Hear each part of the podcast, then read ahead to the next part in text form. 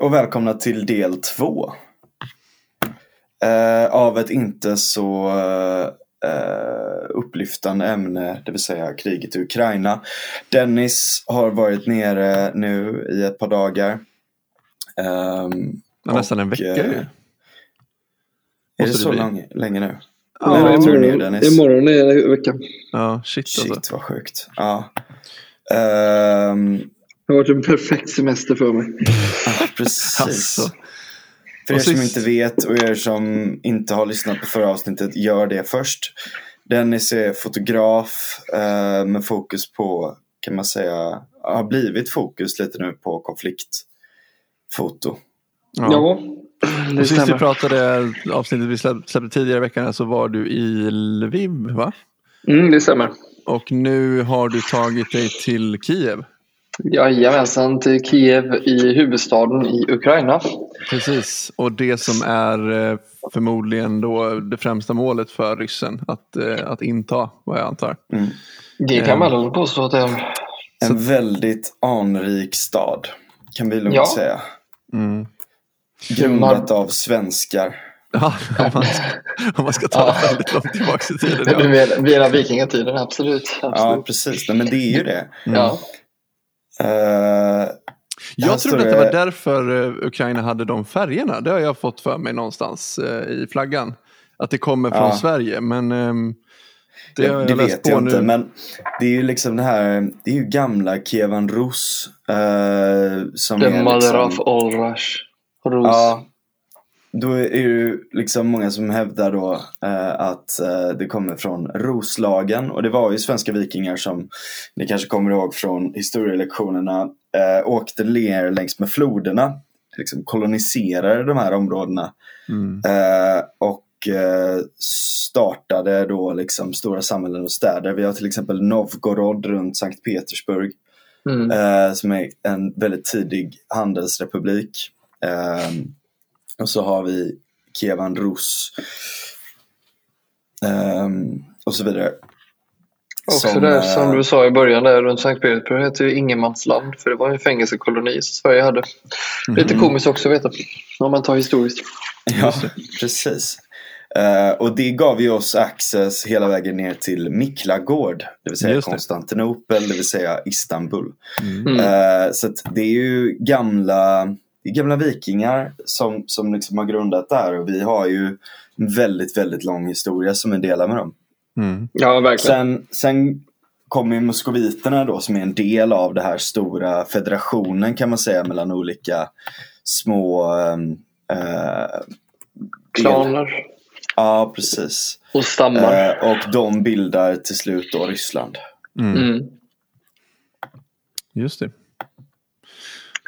Och hur... är- Eller förlåt, kör du. Nej, jag tänkte bara säga Kiev är ju bland de, är ju bland, är ju äldre, mycket, mycket äldre än vad Moskva är. Så att det är Mm. också en sån anrik historisk grej. För här ligger ju begravd den stora... 482. Ja, ungefär. Det är väl så det är väl. Sen är det också att här är det But ju the city också, may da- date back at least 2000 years. Ja, men ungefär så. Det finns ju grunder, men sen har den ju utvecklats. Sen ligger ju också personer som är jätte... Alltså Mother of all Rus, ligger begravd här i Kiev och det finns ju stora katedraler och annat som har väldigt stor betydelse både för ryssar och ukrainare och eh, slaver generellt. Mm. Mm. Så här är deras mecka kan man säga. Just det. Ja. Det kanske kan ligga lite till eh, ska man säga, förklaringen bakom ehm, Rysslands agerande här, eller Putins agerande kanske man snarare ska säga. Mm. Ja, Det är ju en symbolmässigt strid för honom. Om man tänker så att den här staden är ju som Hitlers eh, London. mm, Man vill ha den till vilket pris som helst. Och det är nästan det som är lite, blir lite fanatismen i hans agerande åt i hans slag, i hans strid. För att han är så oberäknelig. Om man ja, tänker på att försvarsministern nyligen gick ut och sa att vi har inte invaderat Ukraina. Har, det där är- stämmer inte alls. Det- special military, eller special, eh, special operation för Ja, områden som vi redan ser som våra. Ja, just det. det är väl en skön inställning på hur man ska se saker och ting. Va? Nej, det där är ju Mm. vårt egentligen, så det spelar ingen roll. Då var det ingen invasion. Vi försvarar bara vår mark. Ja. Ja, nej, det, det, det är lite roligt att höra de nyheterna. Jag har ju dem på ukrain- ukrainska och min eh, kära kollega Bennett, han, är ju, han har bott i eh, Ryssland tidigare och eh, kan lite ryska. Och, eller kan delvis ganska mycket rys- ryska, ska jag säga. Så han översätter ju ganska väl. Och, Mm. och vi har ju, kollar ju även på de andra nyheterna här på plats. Och det är ju det är rätt många roliga grodor de drar ut sig för man har ingen aning vad de, vad de säger. Samma sak också. Vi får ju flygalarm lite till och från här i Kiev. Och det är, um, det, det är ungefär som Hesa Fredrik hemma i Sverige. Mm. Och det är ju ganska naturligt att man reagerar för att man hör det aktivt panikslagen. Men när man ser alla ukrainare bara går runt, fortsätter shoppa lite, bara, "Ah, det låter lite, men skitsamma, det är ingen fara. Då blir man lite så här halvställd på hur kommer man själv reagera när det händer. Och nu har jag upptäckt själv att jag, om, de, eh, om jag vet ungefär var de anfaller någonstans så brukar de flesta i stan vara ganska lugna just nu. Mm. Även jag själv. Var brukar de anfalla? Eh, de använder Iprin, eh, Iprin eh, norra delen ungefär och de har varit en stor del just nu. Det är ju svårt att avgöra på flyg, flygbombningarna men de har ju inte så vitt jag har sett eller fått nys på eller läst någonting bombat några av de centrala delarna än så länge. Mm. Mm. Jag såg i konvojer igår med, med eh, ammunitionslådor som transporterades upp till, eh, försvar, eller till utrikesministeriet. Jag såg eh, fullt med material och vägspärrar runt hela vägarna. Så de har ju med sand, lagt sand över stora motorvägar med eh, barrika- barrikader med gamla betongblock som har rivit ner. Eh, de har till och med tagit ut gamla vägspärr eller så här, gamla beams som de har gjort i ståljärn från andra världskriget. För de har dragit sig rätt ut ur museerna för det sitter plakat från på dem att det här används under andra världskriget i försvaret Ah, mot shit, var det det det var? Jag såg det här Ja. på Instagram att, att eh, du hade lagt upp em, en sån här, vad, vad heter det för någonting? Det ser ut som ett, ett X som de har byggt. Ja, det är, väg, det är vägkors. Ja, just det, så är det. Ja. Eh, och Jaha, det- så de, så de det- får liksom komma ut igen då liksom? Ja, från- Nej, det var gjut. Det är, gjut. det är ju inte, det är ju inte de här steel, steel beams som du ser idag. Det är ju gjutjärnsstålarm, eller de här gjutjärnsarmarna som Ja. fanns Ja. på någon gång, som man, man använde till ungefär till um, ska man säga, bygga Eiffeltornet. Den typen av stål är det. Så Ah. de, står, de är ju de är ju bara heldränkta i svart färg nu för att hålla sig överlevning, men de står ju där. ja. Visst, Fan vad sjukt. det är rätt fräckt att se det. Ja. Ja, jävlar vad sjukt. Men från, från, från håll här i Sverige så, så verkar det ju som att det lite grann har stannat upp. Eller är det en felaktig uppfattning? Men det känns Nej, som det att, skulle jag inte säga. Det är stormens öga just nu. Vi sitter och väntar egentligen på de stora smällarna. ja, det är så Ja. alltså. För det Ja. verkar som att ryssen, som jag upplever i alla fall, att ryssen har lite grann blivit stoppad i sin, sitt avancemang mot Kiev. Ja. Men, men de, de, de rör sig alltså ändå, de närmar sig ändå, eller? Ja, konvojerna som kommer från norra delen i, i Oblask, område, eller inte Oblask, men vad heter det? Ob, Oble, ja, något, något åt det hållet, heter namnet, kommer inte ihåg det. Norra delen av Kiev, om man tittar på en karta, så kommer de med konvojerna ner, men de har blivit stoppade av flygen och pansarskotten, så de är ganska... äh, De, säger så, de, de avancerar framåt, de tar två steg fram men ungefär två steg bak också. Så de kommer Mm. inte så jättemycket nära sta- stadskärnan. Ja, just det. Mm.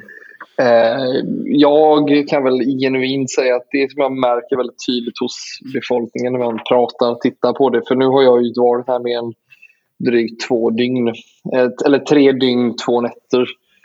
Ehm, är att de flesta är ganska påtagligt oroade. Folk bunkrar upp det i matkön och det finns ju ingen restaurang uppe, ingenting. Service är ju stängt. Det är bara egentligen eh, typ vanliga köpcenter som är då bara för mat. Alltså typ en ICA-butik som är motsvarande fast lokalt. Mm. Eh, där det är ransoneringskort som tillkommer nästan när de sätter upp på skylten att du har max tre kilo per bröd eller med brödet tre kilo per kött och sånt här bara för att kunna garantera att folk får all mat. Mm. Eh, Och det är per person då. Eh, nu är ju inte jag tanken att stanna så länge här, även om jag har köpt lite saker. Så bara för att vi, det finns ju ingen mat där vi är heller, så vi måste ju köpa egen mat och försöka göra själva. Så vi, eh, exempel, vi, vi köpte räkor igår och värmde upp det i, i badkaret, jag säga, med varmvatten. Okej, Ja. ja. Ja, man gör det så gott det går. Så det är lite, så här, Mm. det är lite ransoneringens tids, Mm. tid är här och så man hoppas på det bästa. Men eh, folk är påtagligt oroade. Det är de och det märks väldigt tydligt. Eh, flyg, på eh, flygplatsen, på tågstationen, så är de eh, där sitter de och väntar och väntar och det är de, både de fattigaste folket som inte kommer därifrån, de sitter kvar och väntar på att få hoppa på flykttågen, flykttågen som går lite då och då från lite olika områden.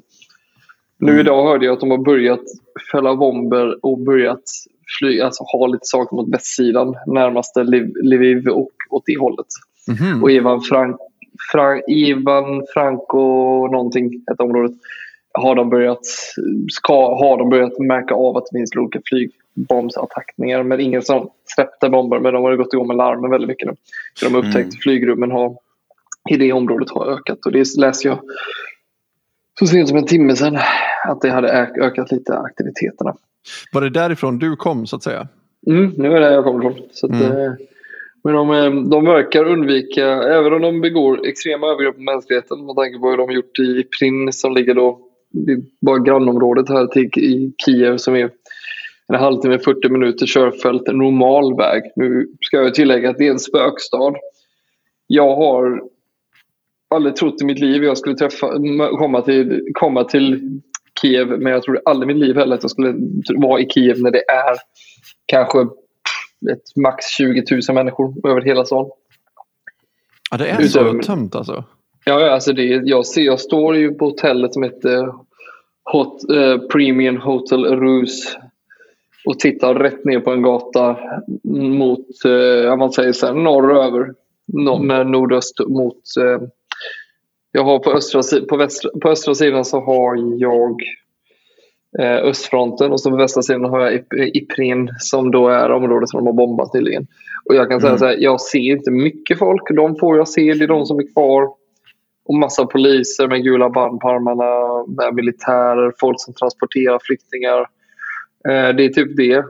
Det här är en fyrfilig väg jag ser. Nej, till och med femfilig väg. Och den är helt tom. Ah, shit alltså. Alltså det, är, det är till och med borta Madjantorget och Frihetstorget och där som har varit stora, som är välkänt i Kiev sedan tidigare. Det är ju det är, det är en spökstad. Du, du kan Mm. gå ut, det enda du träffar, du träffar glada militärer som vill prata med dig, ta en selfie. För att du är med dem. Ehm, Ja. Folk är kittade också med lite som att de har, de har tömt alla mobbförråd och bara gett ut allting som går till dem. Eh, Jag har sett folk gå och springa runt i Timberland-skor. Jag har sett folk som springer runt i typ sneakers fast de har fullkittade militärutrustning. Eh, De har fått det de har få- fått utifrån mobbförrådens kapacitet. Ja. Jag tror till och med jag har sett någon som sprungit runt med en AK47 från 40-talet eh, inklusive någon rock från så gamla Sovjetunionen som de har bara klistrat på andra grejer. Alltså det är, det är lite de har tagit vad de har haft. Eh, För de har haft material men de har inte haft för hela armén. För de har inte trott att de Nej, behöver kalla in hela armén. Mm. Och eh, dessutom fler som har återvänt och sådär också då. Gud ja, det är många. Jag har träffat både britter, amerikaner, folk som är i olika områden. Alltså som är ukrainare då, men de är bosatta eller med mindre levt i hela sitt liv i de andra länderna. De är ju villiga att komma Ja. tillbaka så de pratar ju sina flytande, flytande språk från respektive land och sina adoptivland. Och de är ju, ja, one way ticket. The only Precis. motivation that we got is to kill the Russians then we can go back home where we come from. Ja, Så att eh, de är, de är ju medvetna om riskerna extremt. Precis. Och, ehm, men man, man Ja, det kan är ju främst också kvin- alltså de flesta männen har stannat också. Det är främst kvinnor och... Det är en, en och en halv miljon tror jag det väl de sa. Eller om det är 1,7 miljoner som har flytt nu från, från Ukraina. Mm. Ja, Men eh, det består, armén består ju av ungefär 18 till 20 procent av kvinnor. Och det är väldigt mycket kvinnor. Man ser polisen och den regionella eh, armén som, är, alltså, som baseras på alltså, National Guard-känsla kan man säga. Det är väldigt mycket kvinnor som är med där. Eh, också, så att det, det är både män och kvinnor, men majoriteten är ju män för de ju obligatorisk skyldighet att vara kvar. För att Mm, lagen säger ju det. Så att de har inte så mycket val. Men man ser en stor del av frivilliga. Man ser gamla babusjkor som springer runt med sina handelsvapen. Och sina... Ja. Alltså det, det, det är en, lite, det är en, we, en väldigt weird men också underbar känsla att se. Man får Ja. och se synen av det hela. Jag, eh, jag är imponerad att se hur drivna alla är. Men alla, verkar, alla är så jävla givmilda. Alla bara ger, tar, tar nästan ingenting och vill bara att ja, men ni ska vara här, ni ska fota, då ska ni få det här, ni ska fixa detta. Så Just det. jag håller på att få en hjälm av en militär nu som är på väg att ge, så tyckte att nej men vad fan såklart ska du ha det. Du kommer ju hela vägen hit och fotar det här, då gör ju någonting, då ska du ha hjälm. Sen vad du gör med den hjälmen. Hjälmen för fan. Jo, jo, men jag har ju allt, jag har ju min skyddsväst och allting, men hjälmen det är ju Ja. nästan till svårt att få tag på. Så jag Ja, ja, ja. kommer inte besöka fronten förrän jag vet att jag har en hjälm. Nej, det är helt rätt. Nej. Eh, nu vet jag att Daniel håller på att skita ner sig när jag säger fronten. Ja, men det, ja. ja. Jag, jag tycker att det räcker nu. Alltså, du har ändå nått Daniel Kiev. och hans flickvän är extremt oroliga för... Ja, Ja. min med. Ja. jag. Jag är också rätt orolig, men... Men alltså, det, är någonting, det här är mitt jobb. Det här är det jag har valt att göra Ja. i mitt liv. Så att jag, jag, Jag jag, vet vad jag gör. Mm. Jag Men, förstår att alla eh, blir oroliga, men är som sagt att det är väl någon idiot måste dokumentera det och då är det väl bättre att jag gör det än att skicka ut en amatör. Ja, ja, visst. Så kan man se det. Men, men eh, vad, hur är liksom de här, du säger att det är säkert i de områdena i Kiev där du är just nu. Eh, är det så liksom att folk har vet till exempel ryssarna att så här, här är ett ställe som det bara framförallt hänger civila personer eller är det för att det inte är strategiskt viktigt eller? Jag ska säga så här, egentligen ska jag nog omformulera men det, jag, vad jag säger säkert är att jag sitter säkert. Men jag ska inte säga att någons plats i hela Kiev är säker med tanke på flygalarmerna och Nej. bomberna som är. Det är en krigszon. Det är målet för den invaderande styrkorna att ta över. Det är symbolen för Putins maktelit att kunna ta det här. Så att inget Mm. av Kiev är säkert per sig. Däremot så finns det mindre riskområden och det riskområdet jag är i är inte långt från centrum. Och då är vi, vi- jag sitter i alla fall i de fastigheterna. Jag vet ju om att jag har en möjlighet med skydd för jag, ligger, jag har placerat, vi har tagit ett rum placering så att det ska vara möjligt Mm. att om det händer någonting så har vi i alla fall lättare flyktvägar. Mm. Men eh, det är det har varit bomber lite här och var. Nu har de inte strategiskt bombat centrum. Frågan är väl varför än så länge. Men många misstänker att de kommer att använda gasattacker eller typ av kemiska ämnen för att eh, få ut detta. Eh, för det är där de vill lägga sin fokus på. Att ta död på folk.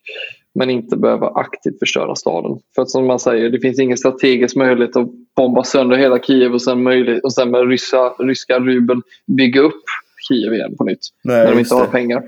Mm. Det, är- det är ju strategiskt idiotiskt. Det, är ju inte, det här är inte andra världskriget där vi bombade Dresden, när amerikanerna bombade Dresden bara för att de förbannade på tyskarna lite.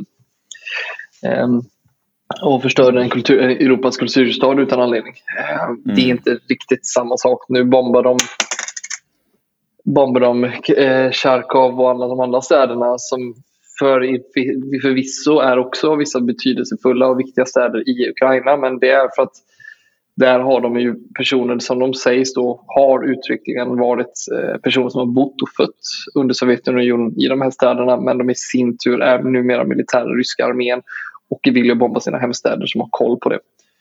Eh, senast jag hörde så skulle han som har som har beordrat skjut eller bombningen i Charkov exempelvis skulle ha blivit ihjälskjuten också av sina av ukrainska militärer. Mm. Och det är en rysk general så vitt jag vet. Men det är, det, det, det är bara egentligen, vi sitter i stormens, stormens öga. Vi väntar just nu eh, på allting som kommer kunna ske. Ryssarna försöker avancera och det skulle kunna komma en flygräd vilken minut som helst och då sitter vi låsta. Mm. Eh, flyg, eh, flygen har ju gått fram och tillbaka så att även när det kommer till tågen går de ju fram och tillbaka. Så jag har ju tittat lite på mina tåg för att ta mig ur staden eventuellt och transportvägar ut. Jag har ju fått boka om lite gånger för att det har ju inte funnits en direkta biljetter så man har fått chansa att ta sig dit, titta lite och då står det nej, vi, det finns inga tåg. Och sen har det stått på hemsidan, för hemsidan hinner de inte uppdatera. Mm. Så det var ju lite fram och tillbaka. Så det finns ju massa humanitära tåg som man kan åka med som är gratis. Men då är det ju så här, ursäkta mitt uttryck nu, det kommer låta väldigt grovt, men koncentrationslägerfångarnas tåg där du åker nästan i, i eh, däremot inte lika, du åker ju mer humant om man säger så med, med eh, värme. Men du står upp i nio timmar av tio timmar och du, du packar det som sardiner. Mm. Eh, och det, det, det är det som finns alternativ på. Eh, så det är ju de vägarna ut och då är det ju frågan med vilken väg går de och vilken väg tar de sig ut utan att det blir någon komplikation. För senast jag åkte upp åkte jag i en coachvagnarna, alltså några sådana här sovvagnar. Mm. Och det var ju, vi valde ju strategiskt lä- längst bak i tåget, sista vagnen, för att garanti att om det smäller någonting på vägen så är det inte vår vagn som träffas först. Mm. Just det. Man Hur är måste ha- det, alltså nu när ryssarna har gått in, börjat gå in där mot västra, är det för att liksom kapa vägarna då eller? Jag kapar vägarna för militären. Att Exakt. Kunna bli, mm. Civila har de ju. då? Ja, i viss mån kan man väl säga att de har ju öppnat upp vissa flyktvägar för flyktingar, eh, ryssarna. Och det får man ju ändå ge dem, den bataljonen, de lokala general, generaler och ansvariga har Mm. varit lite mer humana på vissa ställen. Men sen har de ju samma veva bombat skiten ur grannkommunen som har verkligen förstört allt och alla och barn och allting. Så de är ju lite de är ju lite cherry picking på vad, vilken del av mänskligheten de vill rädda. Mm. Så att, eh, det är ju inte en garanti att bara för att de öppnar upp en flyktväg från Kiev så kommer Eprin eller Sytmro och Charkov och Odessa eller något liknande stad skonas. Det, det här är ju bara Mm. för syns skull för att visa mot med- västmedia att de Mm. visar sig humana. Just det, men de hade ju också attackerat någon flyktväg nyligen va? Ja, de har gjort. De bombade ju Ja, en precis. bro bland annat. Mm. med folk på. Så det är ju eh, det är ju inte en säker... Ingen ryssarna är inte, spelar inte med fair kort just nu.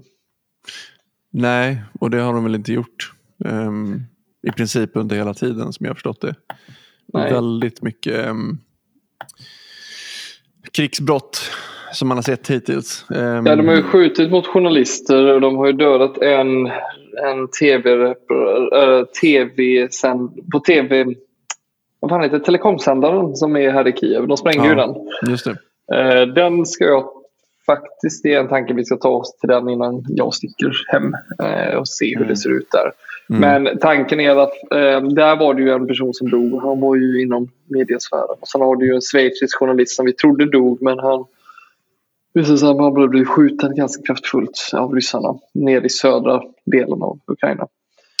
Var det han som, ehm, det var en bild som cirkulerade på Twitter med en journalist som eh, ehm, En kakefärgad och eh, skyddsväst och sen blivit skjuten på bilen och han hade lite mustasch och skägg. En blond kille. Schweizisk. Ja, precis. Eh, för att han blödde från tinningen eller någonting sånt. Ja, något sånt där. Ehm, var det han du menade? Det var han ja. Ja, Okej, mm, Han hade överlevt enligt uppgifter. just det. Okej. Mm. Som tur är. Så det är några, men folk har blivit beskjutna. Folk har, nu har ju jag undsluppit ganska mycket för att jag, jag är inte där de skjuter. Som tur är. Jag är inte här för att dokumentera militärens frammarsch eller inte. Eh, Jag dokumenterar den humanitära krisen för att det är där mitt fokus Mm. ligger. Mm. Så det är där också. Jag kommer ta mig till vissa platser som, innan jag åker hem nu. Att försöka dokumentera vad som händer där det har varit saker där folk har lidit till tusen. Mm. Mm. Eh, för att ge en bildsättning på det hela. Eh, tyvärr så är det svårt att vara objektiv när det kommer till sånt här med tanke på att man ser förödandet, man ser lidandet på marken. Man ser ju tyvärr det är inte direkt de döda ryssarna man ser civila, man ser ju de döda ukrainarna. Mm. Och då är det ju väldigt objektivt i det hela. Så jag vet att folk som har, några som har skrivit till mig och frågat men vad, vad är Rysslands perspektiv på detta? Varför fotar du inte dem? Ja, eh, hade jag kunnat gjort det så hade jag gjort det men nu är det ju inte den storyn det finns för nu är det ju ett angrepp på ett land. Så nästa person som nu lyssnar på mig och skriver det till mig får ha lite tanke på att det går inte vara riktigt objektiv och vissa saker kan inte jag fota för att risken på mitt eget liv. Men det där blir lite konstigt. Det är klart att jag menar, om du befinner dig i, en, i, i ett angripet land och, och fotar eh, det som, som vanliga människor råkar ut för där. Ja. Då finns det väl inte så mycket av ett eh, Liksom, det är ju svårt att... att Gör något annat. ja, Det är ju precis. bara, alltså det är bara kinesisk media som tillåts att vara på ryskkontrollerad mark också. I Ja. princip, typ. Ja, exakt. Mhm. Vad jag har förstått. Okej. Eller Ja, kanske det var- någon mer såklart liksom. Ja, Men, är väl eh, men jag har sett jag att kinesisk media har ju rapporterat från kriget från ryssarnas sida liksom. Mm. Ja, nej, det, det är lite det jag också sett och läst på nyheterna. Med. Men det, det jag, bara, jag tyckte det var så roligt. Det var någon som hade lyssnat på mig och någon som hade hört annat. Jag ska inte säga namn eller person, men det var någon. "Men Varför skriver du inte? Varför visar du inga bilder från ryssarnas sida? Mm. Men så, jag är ledsen att säga det, men senast om jag skulle hitta en ryss så hade jag såklart frågat honom. Men om han är villig att skjuta mig först det är lite Mm. svårt där. Jag väljer Ja, att ta verkligen. min säkerhet först. Det är det. Så det är, jag är enkel fotograf, jag kan fota på avstånd men jag tänker inte utsätta mig mer risk mot än vad jag redan gör när jag är här. Precis. Jag läste en jävligt bisarr artikel rätt nyligen här. Exclusive, det här är från Reuters då. Eh, uh, WHO says it advised Ukraine to destroy pathogens in health labs to prevent disease spread. Det känns ju jävligt uh, uh, uppiggande att, uh, uh, att vi kanske får liksom en ny pandemi som ryssarna släpper ut på oss då. Eh, så tydligen så har de haft liksom diverse eh, hälsolaboratorium med ganska hög säkerhetsgrad i Ukraina, i Kiev.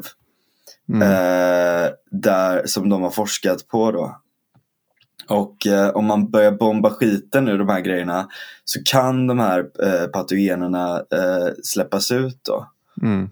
Ehm, så att... eh, Ja, vi, eh, vi har ju ett kommande helvete oavsett. Antingen tryckerna på knapparna för kärnvapen. ja, Och då, vi, då kan jag säga tack och adjö. Det var roligt att lära känna er den. För att det Mm. lär inte vara lång tid innan det. Jag, jag lär vara först som träffas. Ehm, eller bl- inte personligen, men bland de första. mm, Ehm, sen har vi ju frågan om den inte kunde, om den sprider sig mot Västeuropa då. Den atombomben eller den kärnkraften eller den kärnkraftsverket som smälls. Mm, Ehm, vi har en, eh, en pandemi till kanske på kommande väg. mm, Och han kan redan säga, om vi nu leker hur konspiratoriskt som många älskar att göra de här tiderna. Vem har sagt att han inte redan har släppt en sån grej? Och det ligger Mm. just nu bland folket och släpper ut det där. Därför han skickar ut rekryterna. För att de är de första offren. Om vi nu ska leka konspiratoriskt. Men nu ska jag inte ge någon, någon galen jävel en idé. För då riskerar Det var vi en het take ändå, jag gillar det här. Mm, Det Ja, är också en, om, om man får fortsätta på det spåret liksom. absolut. Och, och, och liksom hur folk bara spelar med i idiotin liksom. Mm, De, alltså det här när de skulle gå och attackera det här kärn, alltså när de började skjuta mot ett kärnkraftverk liksom. mm, Och hela den här kören av liksom mifokrater eh, framförallt miljöpartister stämmer upp i kör om hur fruktansvärt det är att, eh, att, att liksom med kärnkraft och hur farligt det är för krig och allt sånt där. Trots att liksom sex av sex säkerhetsrutiner följdes och ingenting hände trots att kärnkraftverket blev träffat mm. DN skriver kärnvapenreaktor i sin artikel. Och det är liksom, det känns som att, ah, alltså, Freudian slip liksom. Ja, alltså, det är så här, herregud liksom. Ja, det Och nu då så håller de på liksom och missköter, alltså det är liksom, de tänkte så här, det, det räckte inte med en gång utan de, har, de kontrollerar Tjernobyl nu.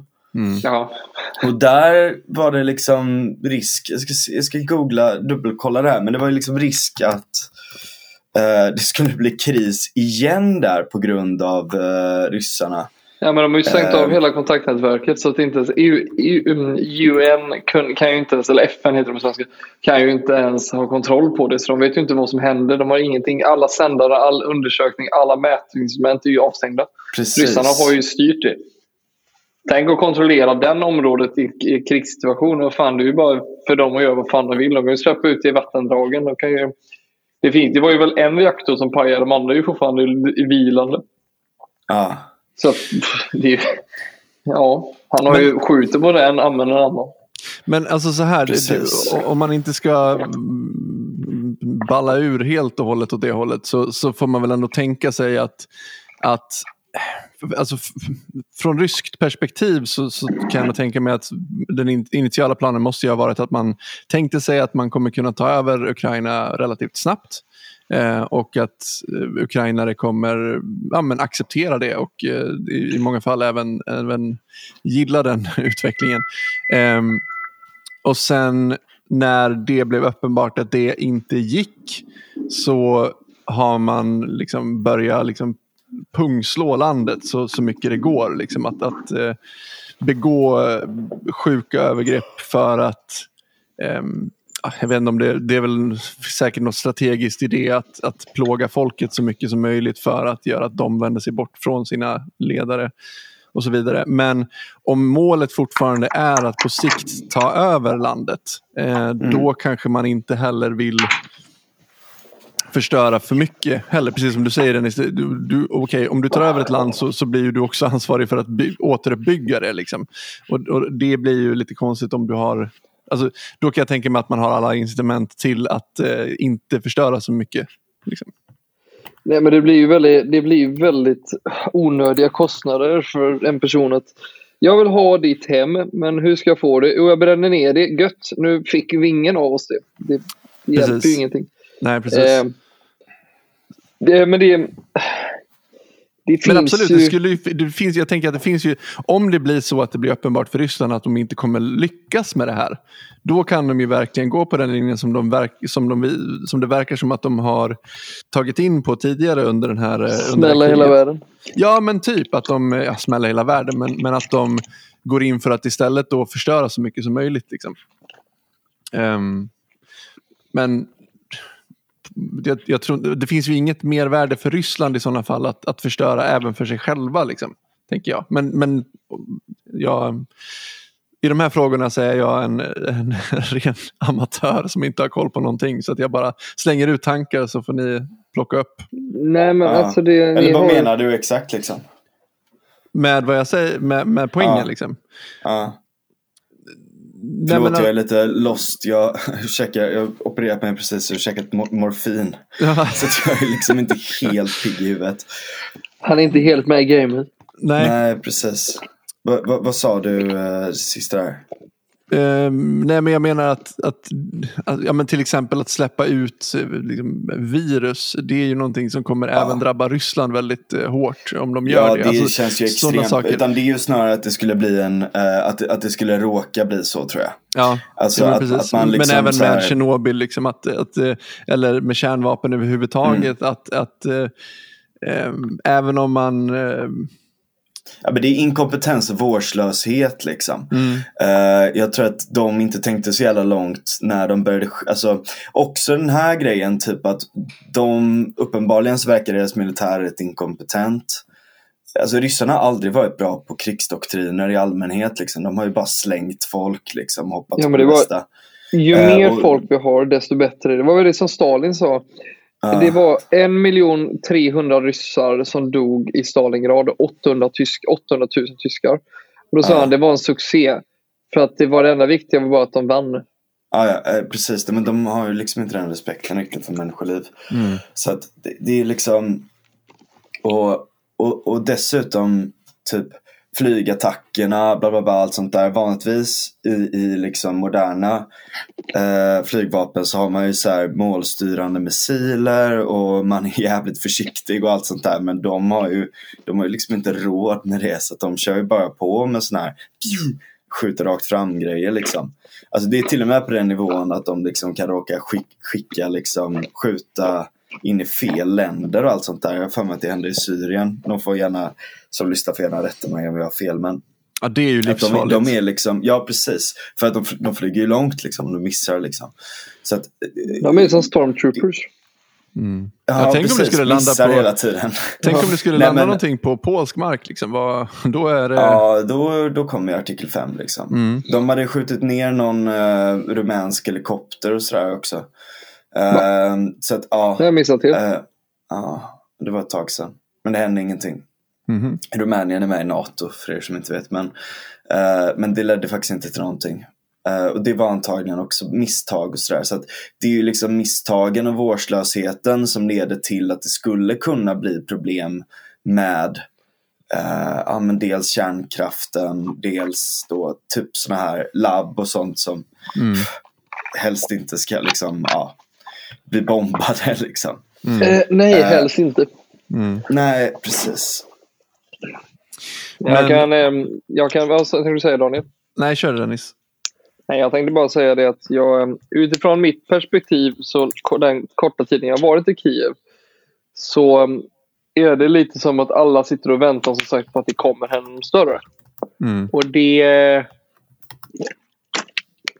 det har varit det, varit det som de flesta här inväntar. Den slutgiltiga striden kan man säga, som kommer komma. Mm. Mm.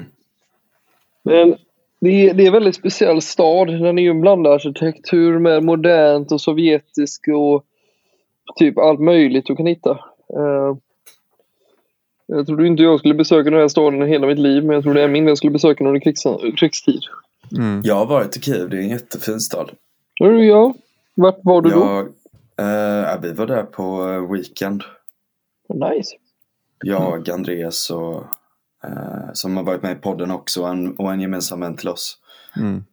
Ehm, det, det är en otrolig stad är det. Ehm, Och där är den grejen också, alltså man fattar ju det att de är så jävla Alltså Ryssland, det, är- det är lite som, lite som en sån här Du vet, eh, abusive eh, partner typ som, som är sur för att liksom eh, Ukraina börjar röra sig mot väst nu. Men pratade man med unga och sånt där så, så var ju ins, liksom, siktet inställt mot väst hela tiden. Det är Mm. liksom plugga i Polen, flytta dit eller du vet så här, åka, åka dit på semester eller lalala, allt sånt där. Så att, jag menar, de ser ju ingen framtid under Ryssland eller i Ryssland många av dem. Även om en del kanske har familj och sånt som bor där eller släktingar liksom. Mm. Nej, de, det, det gör de verkligen inte. Och, och, och där är ju den grejen också liksom att någonstans så måste de ju få ett självbestämmande det där.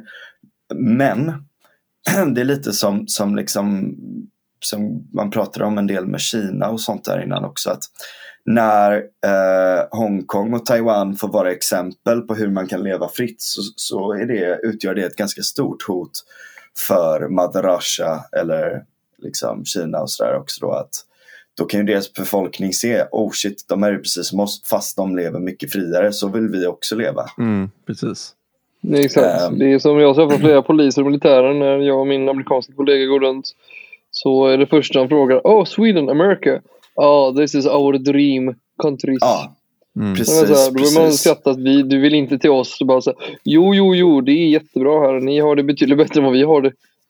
Ja, ja men exakt typ. Jag, jag fick verkligen en sån reality check när jag var där. Typ. Vi satt och snackade med, eh, med några, vi satt på en sån här superhärlig, nästan vid Majdan, eller bara gatan upp där. Ehm, på en så här, de hade så här hem, liksom egenproducerad cider och sånt där. Som var svingott. Eh, nu ekar det här. Sorry, det var jag. Ja. Ehm, kopplar in hörlurar igen då. Yes, Så, nej. Bra, perfekt. Uh, nej men uh, så att vi snackade med dem och allt sånt där. Jag bara, ah, fan vad nice det är och allting är så billigt och det är gött och vilken nice kultur, vilket nice kulturliv ni har och bla bla bla Mm. bla, bla liksom. För det är ju, det, det har ju liksom blivit lilla Berlin på sätt och vis liksom. Mm. Just det. Eh, efter, efter Majdan och så liksom öppnat upp som fan kulturellt. Mm. Eh, och, och varit på rätt väg sådär. Och så var det liksom så här. Du, eh, ge dig. liksom. Du har det jävligt mycket bättre än vad vi har det. Det är Mm. krig. Alltså, vi är attackerade av Ryssland. Det var 20... när fan var det? 2019 vi var där. Då var de fortfarande i krig liksom. Mm. Eh, från, alltså de har ju varit det i princip sedan 2014. Ja. Mm. Ehm, så, och så fick han liksom lite sån här, inte, inte, de blev inte arga men en välvillig uppläxning liksom. ehm, av dem att, ehm, att liksom, det kanske ser gött ut här men det här är också enda gången vi har råd att gå ut hit liksom. Mm. På, liksom det här är den gången i veckan som vi har råd att gå ut och ta några glas liksom. Att det är så här, det är, fatt, det är ganska fattigt och det är Eh, kriget är, liksom, hänger över oss hela tiden. Vi vet inte om det kommer att bli, om de kommer liksom komma hit. Mm. Nej, exakt. Och nu uppenbarligen så har de gjort det liksom. Men man fattar ju där att så här, de är så jävla trötta på att vara landet som alla marscherar igenom hela tiden. Mm. Ja, det är som Polen. Ja, Det är de och Polen. verkligen, verkligen. Men de har ju liksom inga riktiga sa där. naturliga gränser så eller med, med, alltså geografiskt rent med berg och sådär liksom. Nej, exakt. Det är väldigt platt mark ju. Mm. Nej, det är som jag, det är, det är lite som du tog upp där med att de enda gångerna de har chans att gå ut och dricka öl eller ta Mm. några glas. Det märks nu. Det märks Mm. extremt nu, tydligt nu med tanke på att de är nedstängda allting och blockat av alla dörrar och allting och folk pratar.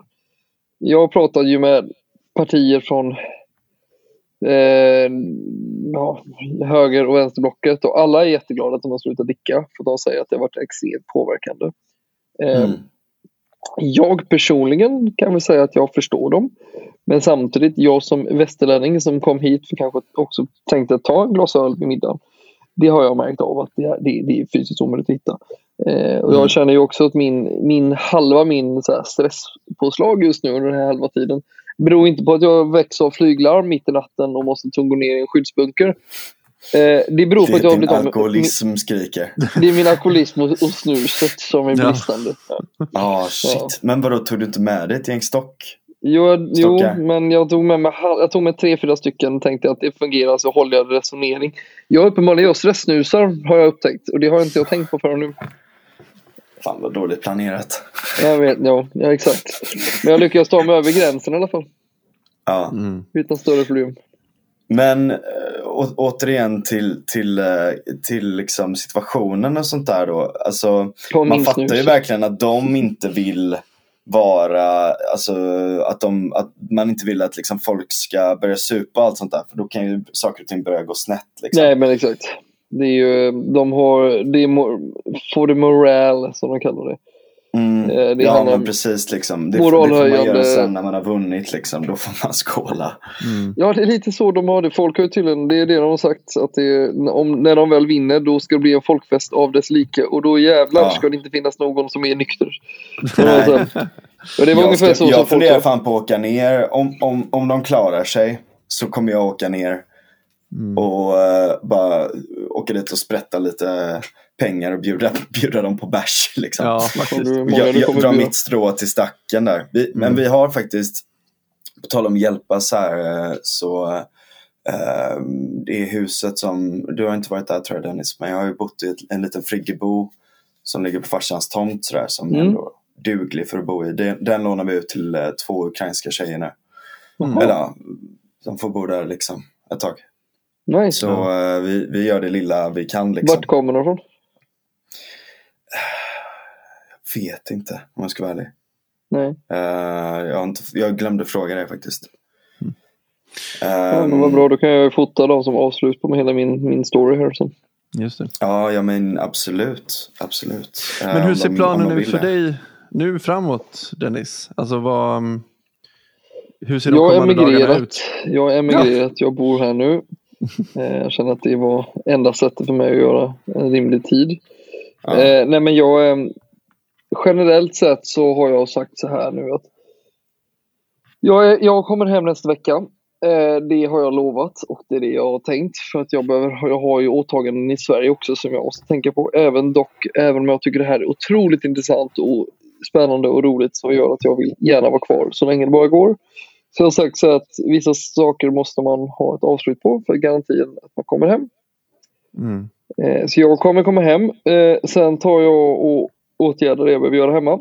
Och sen åker jag tillbaka. Eh, inom kort eh, tänker jag göra. Så att eh, det här blir nog inte sista vändan för mig. Men det blir nog beroende på hur situationen faller i Kiev nu de kommande dagarna så kan det vara sista gången man ser Kiev som ukrainskt eller helt för den delen. Ska man tillägga.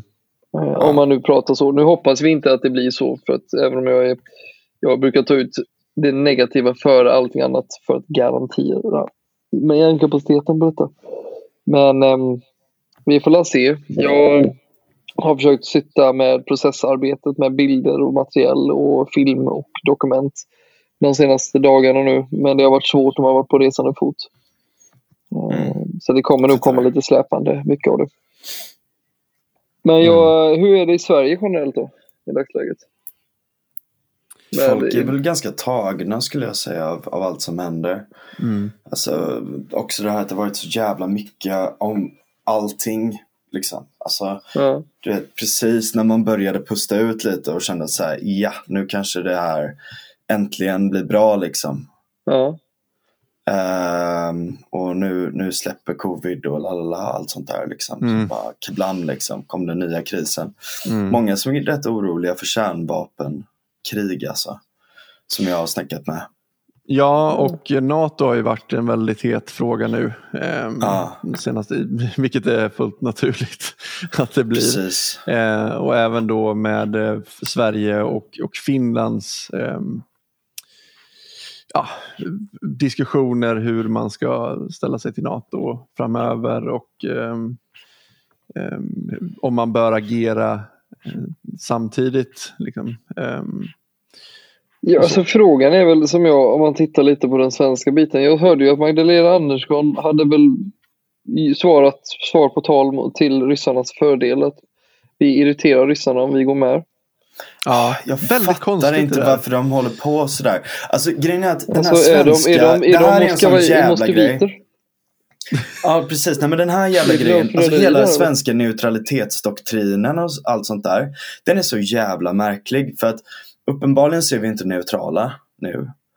Men, men det är liksom sen i princip Sverker Åström liksom och hela, hela den här, han var ju liksom typ liksom högsta authorityn rätt länge liksom som rådgivare i de här frågorna och allt sånt. Och det är liksom, Anna Dahlberg skrev om nyligen om det där också att han kan mycket väl, alltså han har ju varit mycket i Moskva och eh, eh, han dessutom kan han vara kopplad till han Wennerström eller vad han hette som, som var en rysk spion och allt möjligt och sånt där också. Liksom att det är inte jätteexplicit men däremot så har vi under en rätt lång tid kan man undra sig, liksom, eller fråga sig olika grejer varför det beror på men ändå varit liksom nyttiga idioter som, som är liksom så här, jo men å ena sidan och andra sidan liksom, vilket har varit väldigt bra för våra diplomater för då har de kunnat få liksom, eh, en, en, liksom ta den positionen hela tiden.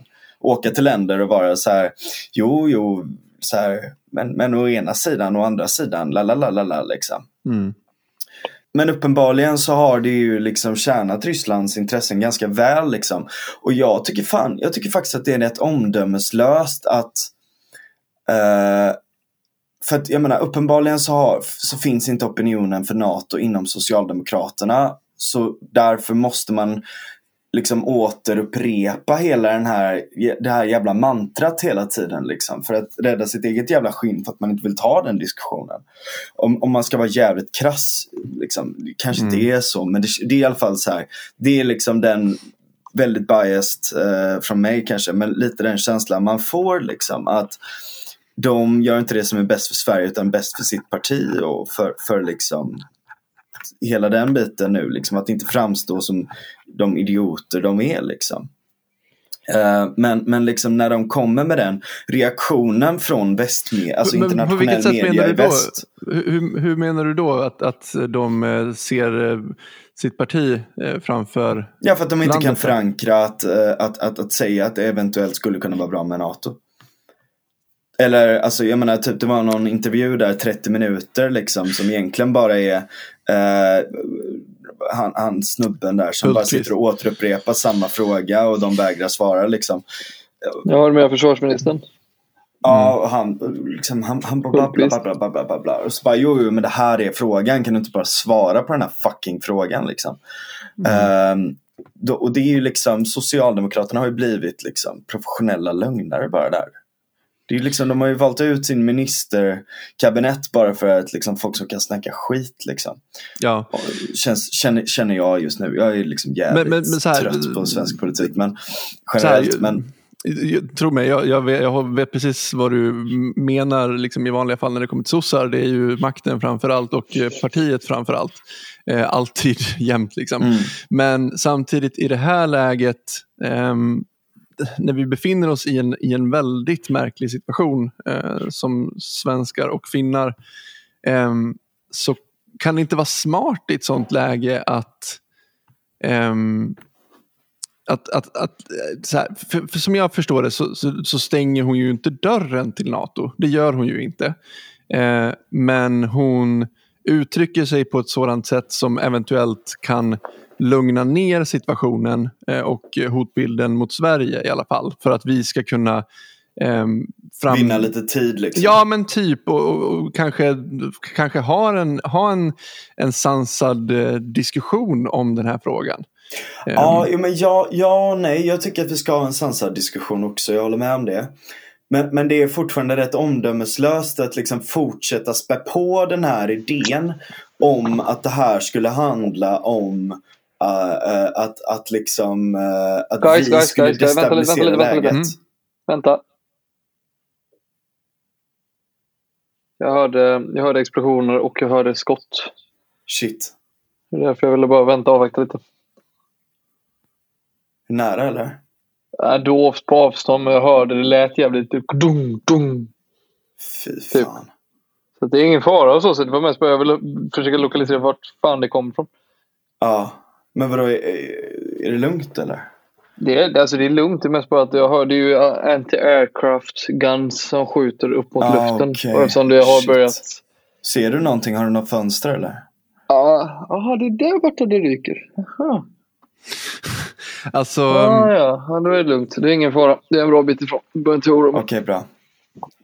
Men, men, men, vänta nu. Så att, Nej, men, det, det flyger in flyg... Ah.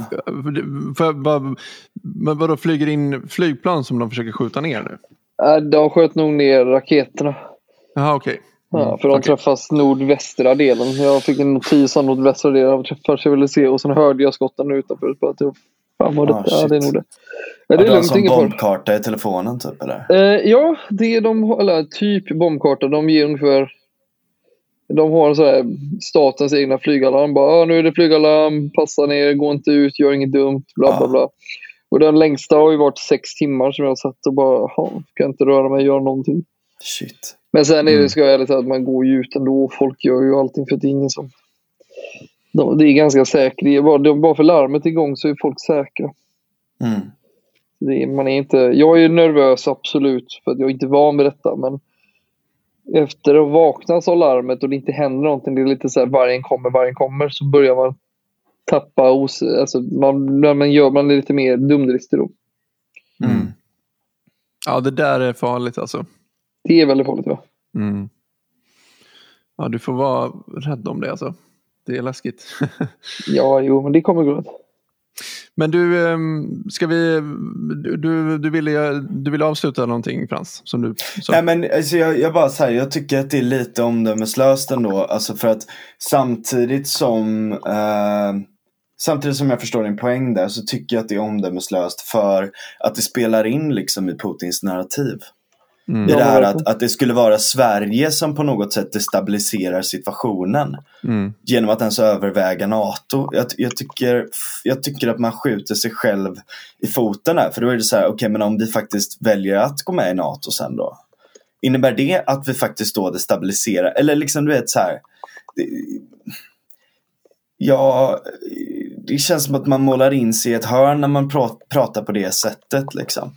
Och det känns som att det kanske inte görs i det bästa intresset liksom, utan att mm. bara rädda den egna opinionssituationen. Liksom.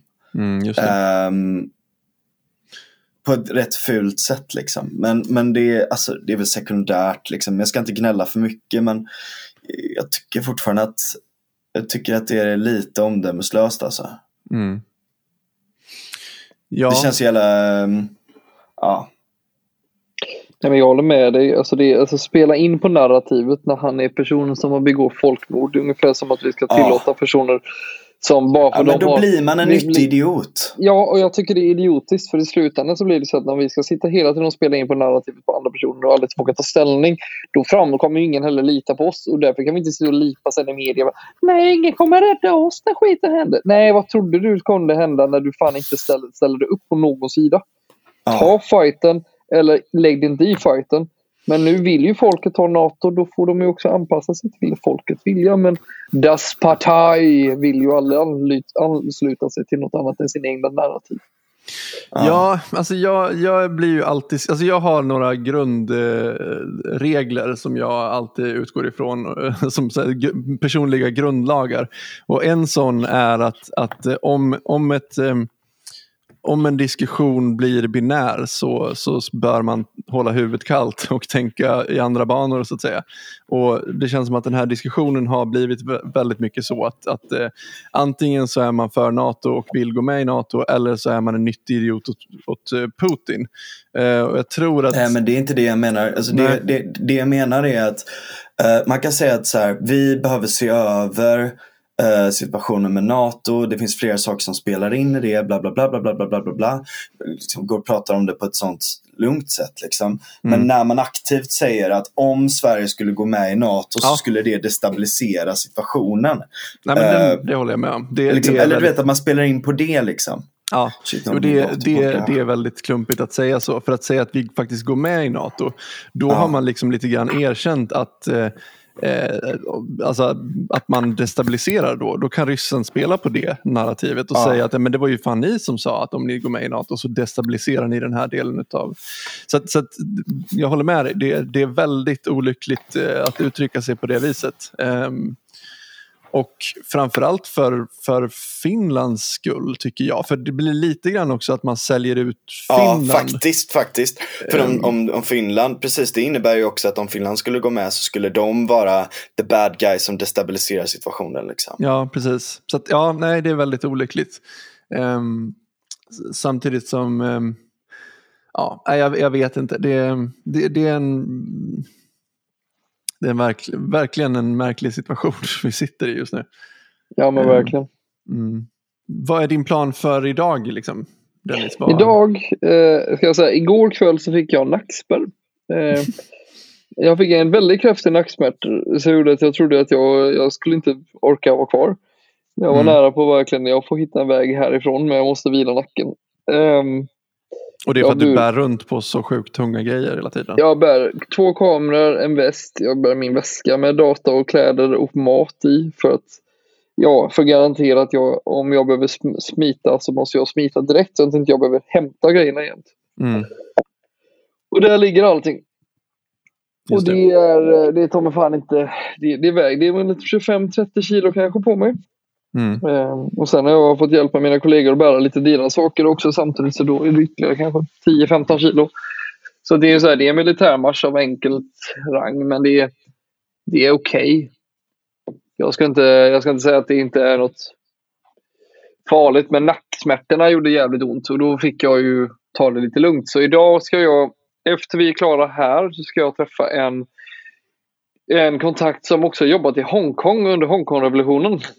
Eh, mm. som har bosatt här i Kiev och personen i fråga har ingångar på samma sätt som den vet, visste om i Hongkong. Och det gör att man har lite lättare att jobba runt för då har de lokala fixtures och allting. Sen kan jag tillägga en annan liten grej som är lite komiskt som är värt att veta för en lyssnare och även för er.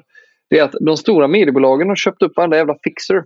De har betalat typ fem, sex stycken personer i stor grupp och sen har de bara använt en och sen låter de andra vara uppköpta på kontrakt så de inte kan nyttja andra.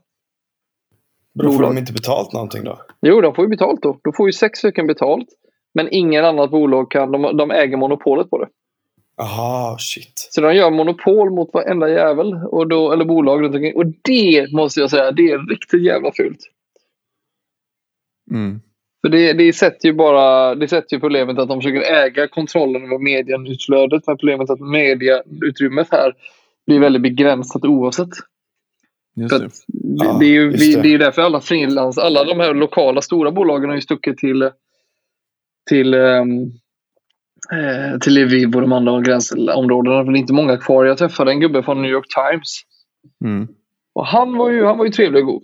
Han hade ju sin tur eh, Eh, han åkte ju hit med nattåget också, så han är väl den enda som också är i Kiev. Och några, något sen, och NBC tror jag det också, det är inte många mer. Vi är ju själva på ett hotell med 18 våningar och minst eh, 40 rum per våning. Mm. Mm. Så att, eh, det är ju inte många kvar. Men att eh, de stora bolagen snor så mycket folk så det är lite intressant. Ja, ja, det är intressant. Men, och du, men du är inte uppköpt eller liksom Det är inte än. till någon av dem? Nej, än så länge är jag inte det. Har jag gjort det i Sverige har jag fått väldigt bra betalt troligen för att vara här. Nu får jag typ ingenting. Nu gör jag ju det här på egen bekostnad. Mm, Än så länge. Mm. Jag tror att jag kan sälja bilderna efteråt. just det. Så jag Men får det se. kommer du nog kunna göra. Alltså, dessutom på grund av att du också har ditt fokus som du gör och sådär också. Det blir ju liksom lite unika bilder. Då. Ja, det hoppas jag. Att det blir Har du, men har du kunnat få några intervjuer så här i Kiev nu? Ja, jag har fått några intervjuer. Eh, det är några personer jag ska träffa, träffa lokalt och allting. Men de flesta personer som man vill egentligen träffa fick jag träffa i i Lviv istället och göra intervjuer. Hur deras Mm. resa från Kiev var. Just det. För här nere kan jag bara... Här träffar jag nästan de som inte pratar engelska kvar. Det är väldigt få. Det är bara de lokala Okej. invånarna som inte har något språkbarriären. De har flytt. Alla andra. Mm. Eh, Så det är lite det. Jag kan ju bara säga så. Titta på massa företagsfastigheter och lägenheter och, och kontor på andra sidan. Det är folktomt. Man ser hur stolar ligger välta. Så komiskt nog faktiskt på i sina fönsterrutor. De, det, man ser att det verkligen varit kaos i de här företagshusen. Folk har bara Mm, stuckit därifrån med huvudet. Är det, det är liksom ingen kvar och jobbar på något sätt där liksom. Utan de som är kvar, de är där och försvarar bara det. Ja, jag skulle nog säga det. Det är nog de som håller igång så att företaget fortfarande håller sig levande under den biten. Men det är alltså vad jag kan se på att titta på rakt i arm. Det är Lviv så var det folk som jobbar. Folk jobbar ju i Kiev for remotely men ingen går direkt till jobben. Och de som är på jobben de är ju nödvändiga bu- butiker. De använder, de går till Essentials, sjukvård. liksom. Ja, essentials verkligen. Det är där de går till. Sen är de non essentials är inte samma sak. Mm. De har ju en rätt stor, alltså det är väldigt mycket techföretag i Kiev. Eller Ukraina generellt. Gud ja. Gud ja. Jag har ju träffat en, en, en översättare, eller en tolk, som var, hade drivit textbolag. Du vet den här Viber, den här, eh, eller vad de heter, den där andra chattgruppen som inte är eh, WhatsApp. Eh, vi, Telegram. Vi, nej, Viber Nej, eller den här... Viber. eh, Jag vet Viber. Viber eller Viper, Viper eller sånt heter den. Eh, Den var, fanns innan, innan Telegram blev jättestort tidigare. De har utvecklat interfacen på den exempelvis. Men det är väldigt starka och de jobbar ju remotely med 30-40 anställda och jobbar mot svenska bolag också. Så att det är rätt intressant för det är jätte, som du säger, en jättestor tech-hub-stad. Mm. Precis. Men Mm. ehm, ja. ja de, vissa kan väl fortsätta jobba då i, i eh, Lviv då? Mm. Ja, många, de som har remotely kan ju göra det. De som inte kan det, de får ju leva flyktingstatus i hemmen hos folk eller annat. De som är... Eh, jag vet, jag bodde ju hos en, en familj som tog hand om flyktingarna från... Eller, det är så konstigt att säga flyktingar och sitt eget befolkning som flyr från en stat till en annan. Eh, men det blir ju det. Tillfälligt omplacerade personer. Eh, de, Mm de i sin tur bodde ju, var det en kvinna som var, hon var accountant tidigare eh, och nu hade nyligen slutat jobba och tagit, sig med, eller tagit ledigt och så kom kriget.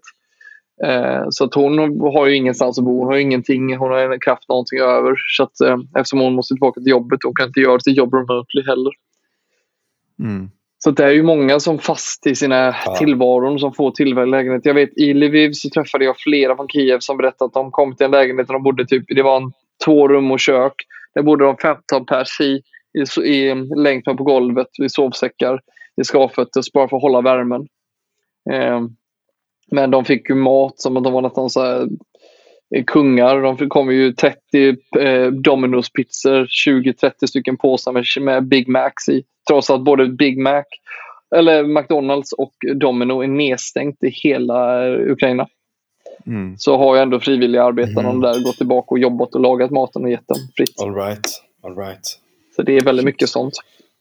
Precis, det här, alltså det är ju det som är så jävla svårt i en krigssituation sådär också. Att det är så mycket som liksom kommer till en halt liksom. Alltså att man, man, man stoppar liksom Alltså man, man stoppar liksom alla de här processerna av liksom företagen och bla bla bla, allt sånt där liksom. Och det, det gör det ju jävligt svårt för folk att kunna, kunna överleva på, på ett bra sätt liksom. Mm. Ja, men Gör man har besparingar och sådär liksom. Det är ju det som är det intressanta ändå i just den här situationen tycker jag. Det är ju, det är ju eh, civilsamhällets eh, uppbackande. För det har varit väldigt, jag har ju träffat folk från, som jobbar med allt möjligt som backar upp och försöker hjälpa folk så de har blivit omplacerade. Även var det Mm. så i Polen och samma sak här i, i, i eh, Ukraina. Enda skillnaden är som jag kan se det, det är ju att, just i Kiev så är det ju en helt annan form för här är ju alla beredda på att det ska bara, här kommer det smälla snart så här vill man bara få ut folk. Så det är inte så mycket humanitärt biståndsarbete på samma sätt som jag kan se det utifrån det jag har sett hittills. Eh, mer än där det humanitära arbetet förekommer mer på fronten och i de områden där det är utsatta människor. Men inne i stan så är de flesta, har ju sina bostäder, har ju sina platser och kan troligen försörja sig själva också. Mm. Så de, där ser du inte dem lika ofta. Det är inte förrän de kommer till de här områdena som är beskjutna. Eller kommer till de områden där, det är verkligen, där flykten har verkligen tagit det exodus från sin plats till en annan. Så att man ser det. det. man ser det tydligt. Men det är, man, eh, man får ändå ge, man får ge det så att när det är lite kris så ställer folk upp och det märkte man. För jag vet soppköken nere i Lviv var ju massa personer som hade kommit från var- vardagliga jobb eller jobbat på företag, andra företag och bara tagit på sig en kockrocken och sen stått och lagat storsoppor. Solsoppor. Så att Just det. Och, Det- där, och det, det liksom finansieras genom det humanitära stödet delvis då också. Ja, det skulle jag misstänka. Det har jag inte, den biten har jag tyvärr inte gått in i. Eh, för det är ju den lokala. Där, alltså jag, jag frågar inte kocken och vad, vad han får, vem som betalar, betalar det. Han vet bara om att han får ingredienserna och gör det. Det är Ja, ju lite det. precis. Precis. Eh, Men jag misstänker det för det är Röda Korset som är där och det är ju flera biståndsorganisationer. Jag har till och med sett de humanitära biståndsorganisationer som hjälper eh, djur, små hemlösa djur. För att det är ju någonting som har varit väldigt påtagande under hela resan för mig. Det är de hemlösa djuren, de herrelö- numera herrelösa, som hade Mm. halsband, verklighets, alltså har koppel fortfarande på sig men är släppta på marken bara. Mm. Eh, och hur de hjälporganisationerna försöker nu rädda de här djuren så att inte de blir ihjälskjutna. Just det. Eller sönder det. Och det är, man kan tycka olika. Det är ändå en familjemedlem i mina ögon skulle jag säga. Så jag tycker de gör, bidrar ju med någonting. Så då försöker de adoptera om dem och försöka ge dem möjlighet att de får hitta tillbaka sina ägare. Eller att de får det. Mm. Men sen är ju e-lagstiftningen gjort så att de måste ha vissa, vissa vaccin och chippade och annat så att de kommer in. Så det blir ju Just det, just det. Det blir ju inte bara flyktingström vid gränsen för män, människor som kan ta sig vidare. Det blir ju stora områden för hundar och katter och smådjur som kommer troligen få lida till sitt slut om de inte får det. Så det är också en intressant perspektiv på att se hur mycket, hur mycket förödande av hur djuren lider av detta med. Eh, Ja, verkligen. Eh, det kan ju Det var- vara supertärande, liksom. Traumatiskt Verkligen. för en familj att behöva lämna göra en sån uppoffring. Liksom. Ja, Mm. Nej, jag, jag fick ju bara så sent som idag en förfrågan om jag kunde ta med mig en hund till Sverige. Så att, eh, jag, jag har alltid velat ha en hund, varför inte? Men det, är också, det, blir- lite konstigt också. Hur, ja, det, man kan göra så mycket man kan göra men samtidigt inte ändå tillräckligt mer. Eh, men det är, det är ett område Nej, av... såklart. Man måste prioritera liksom. Ja, verkligen. Alltså, det är ju ett område där man får som sagt man får tänka på sig själv. Och det som mina kollegor har sagt också, när det smäller, om vi är ute och du fotar och det börjar smälla och skjuta, då är det du själv. Du, du, är, du, är, du är dig själv närmast. Du räddar dig själv eh, först. När det lugnar ner sig så får du översikt och se om någon av kollegorna har blivit skjuten eller träffade och då får du hjälpa den därefter. Du, kommer inte, du, får, du, Mm. du får lämna det. Och vi har ju som sagt också, skjuts någon eller dör någon av oss så då tar du kameran och minneskortet och så sticker du. Du lämnar kroppen. Mm. Ja. Det, är, det är så brutalt, men det är det. Och då blir det ju samma sak med allt annat. Man får ju försöka vara lite mer fyrkantig, lugn i det hela. Men eh, Ja, men man får också tänka att liksom, det är det bästa sättet som så många som möjligt kan överleva också. Mm. ja, ja. Är, nu är inte jag ambitionen att jag ska bli skjuten, men om det händer någonting så tänker jag att det är bra att veta i alla fall. Men eh, nej, så är det. Men vad ska ni göra själva idag då? Ja, jag har kan- precis gjort en, eh, jag har sytt fast eh, tillbaka lite ligament i axeln. Eh, Mm. Från, eh, ja, ja, alltså den har gått och led så jävla mycket så jag ska bara ta det rätt lugnt. Jag hade operation igår. Aj, ja. Ehm, Ja, precis. och, eh, och sådär. Så att det är liksom det är ju inte lika det är inte, inte lika tragiskt som, som det är där nere. Men ehm, jag känner mig rätt nöjd av att jag i alla fall är opererad och klar här nere och hur smidigt det är och allt sånt där också. Man blir påmind. Jag- Mm. Jag reflekterade över det här om, häromdagen. Jag var ju liksom i Afrika, i Kenya eh, ett tag liksom. Nu i januari. Uh, och sen så har man liksom läst så jävla mycket om allting som händer i Ukraina och allt sånt där. Så, så också. Så då känner man, trots att man liksom kan bli så jävla trött och eh, liksom lack på uh, politiker här och hur vi spenderar pengar och det ena och det andra och det tredje så känns det faktiskt rätt skönt att man uh, kan åka ner till, till en bra ortoped, få jättebra bemötande och en taxi hem ehm, efter det. Och att allting funkar och, och sådär. Eh, så eh, man får lära sig att vara liksom ödmjuk för det också. Liksom. Jag är glad för det lilla också. Även om det Ja, stora precis. hela, när det även är det stora hela för vissa. Mm. Ja, men det har du verkligen rätt i. Ja, och jag får säga det. Jag kommer ju försöka få ut det här avsnittet så fort som möjligt eh, nu så att eh, jag kommer nog släppa det oredigerat. Så att om det är någon som upplever att avsnittet har varit lite mer spretigt än vanligt så be- beror det på, på, på det att det här är helt eh, rått så att säga. Ehm, så att, ehm, Eh, jo, jag har en grej som jag tänker tillägga till våra kära lyssnare. mm, Jag uppskattar allt stöd jag fått både på följning och delning av bilder och material och alla som har skrivit lovord och annat.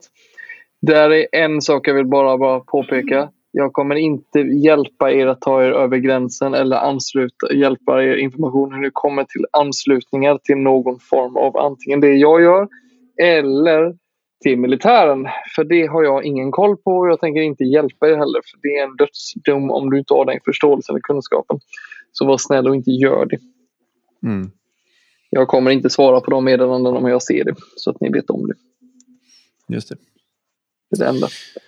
Yes, Yes. Ja. men då, då får du ta, ta hand om det och vara rädd om dig där nere. Ja, var jävligt rädd om det nu Dennis. Det lovar jag mina vänner. Så kommer vi hem och så super vi den 15-16.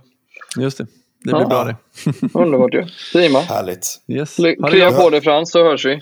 Ja, tack. Vi, eh, vi får köra något, eh, kanske en del tre, lite uppföljning efter ett tag också. Ja, Mm. men absolut. Jag kan ta när jag är i Polen igen. Kan jag ha, nu är jag, land- när jag är tillbaka i Polen. Så kan vi se hur det Mm. blir då. Just det. Flykten Gott. från Kiev hette den här då. Ja, just det. Mm, Ja, Ja, men ha det gott. gott. detsamma. Puss och kram. Hej. Hej.